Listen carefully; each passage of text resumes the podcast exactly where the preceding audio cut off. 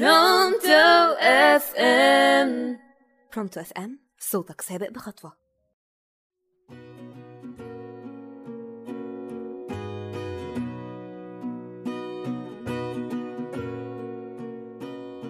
مع إن كل الخلق من أصل طين وكلهم بينزلوا مغمضين. بعد الدقايق والشهور والسنين تلاقي ناس أشرار وناس طيبين. عجبي حقيقة خلقنا كلنا من أصل واحد. مفيش تفرقة بينا لكن نقول إيه بقى؟ يا مساء الفل على مستمع إذاعة برونتو إف إم. معاكم رحاب رفعت في برنامج هات قهوتك وتعالى. هنحكي النهاردة عن فيلم مليان مشاعر إنسانية. اسمه The Secret Life of Bees أو الحياة السرية للنحل. أحداث الفيلم عن فترة الاضطهاد لأصحاب البشرة الملونة. قصة الفيلم عن بنوتة عندها 14 سنة اسمها ليلي بيضاء البشرة. هتهرب من بيتها وتروح تعيش مع ثلاث ستات إخوات ملونين البشرة. ماي وجون وأوجست عندهم مزرعة نحل وبيتهم نفسه كأنه خلية نحل.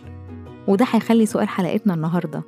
يا ترى إيه الأسباب اللي بتخلي النحل يهرب من الخلية؟ هنعرف الإجابة من خلال أحداث الفيلم. يلا هاتوا قهوتكم وتعالوا. مامة ليلي هربت من جوزها لأنه كان راجل عنيف وسابت البيت وهي محطمة تماما.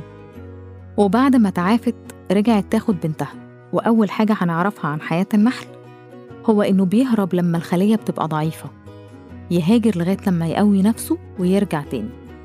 والسبب التاني النحل بيهرب من الأعداء ومن الإزعاج بيحب يعيش في راحة بال وده اللي ليلي عملته.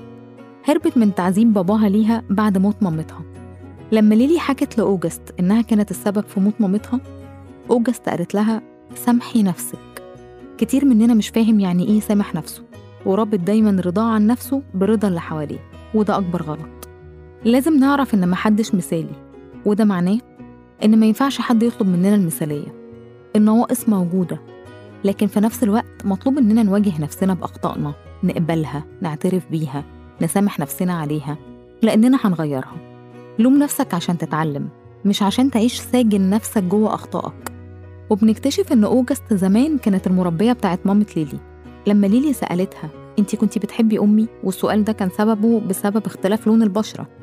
أوجست قالت لها وقتها كنت مش عارفة أحب قوي لأني في موقف ضعف وكرهي للأوضاع اللي كنت فيها كان واخد جزء من مشاعري لكن أكيد حبيتها. هي عايزة تقول إن الحب محتاج قوة وحرية. ما ينفعش تحب وأنت مجبر ومش قادر تختار لنفسك. ما ينفعش تحب وأنت مقهور أو وأنت ضعيف. الضعف مضلل لأي مشاعر. ولازم نبقى فاهمين إن الإنسانية هي تقبل الآخر من غير قيد أو شرط. ونرجع تاني للفيلم في مشهد جميل بين جون وليلي.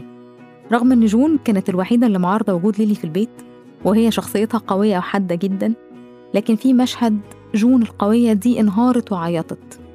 كل اللي عملته ليلي إنها مسكت إيد جون وما اتكلمتش خالص كأنها بتقول لها أنا جنبك حاسة بيكي أنتي مش لوحدك. كل واحد فينا مهما كان قوي عنده لحظة إنسانية بنحتاج وقتها حد يحس بينا يتعاطف معانا يقول لنا أنت مش لوحدك في الدنيا. وعشان كده المشهد ما تقالش فيه ولا كلمة. المشاعر بتوصل من غير كلام. أما بقى ليلي وزاك وزاك من أصحاب البشرة الملونة بيوزع العسل معاهم هقف عند جملة قالها الليلي وهو بيشاركها إن حلمه يبقى محامي بصرف النظر عن لونه. هي قالت له أنا ما سمعتش عن محامي ملون قبل كده. قال لها لازم تتخيلي أو تحلمي باللي مش موجود. زاك هنا بيحاول يقول ما تشوفش نفسك بعيون اللي حواليك. شوف نفسك بعيونك أنت. أعرف قدراتك. لازم تصدق في نفسك. وده بالظبط اللي عملته أوجست. صدقت في نفسها وعملت مزرعة نحل ونجحت. وفي حاجة كده شلتها لكم للآخر. دلالة أسماء التلات إخوات. ماي هو شهر مايو. وده بداية الصيف. بالنسبة للي بيربي النحل لازم يرطب المناخ عشان النحل يقدر يقاوم الحر ولو ده ما حصلش النحل هيموت أو هيهرب. وده انعكاس لشخصية ماي. شخصية ماي شخصية طفولية رقيقة ما قدرتش تعيش تحت ضغط الاضطهاد. أما جون هو شهر يونيو ده بيتم فيه فرز أقراص العسل وطبعا البقاء للخلية الأقوى. وفعلا جون هي شخصية قوية مستقلة جدا. نيجي بقى لأوجست ده موسم جني العسل النضج الخير أو الوفر.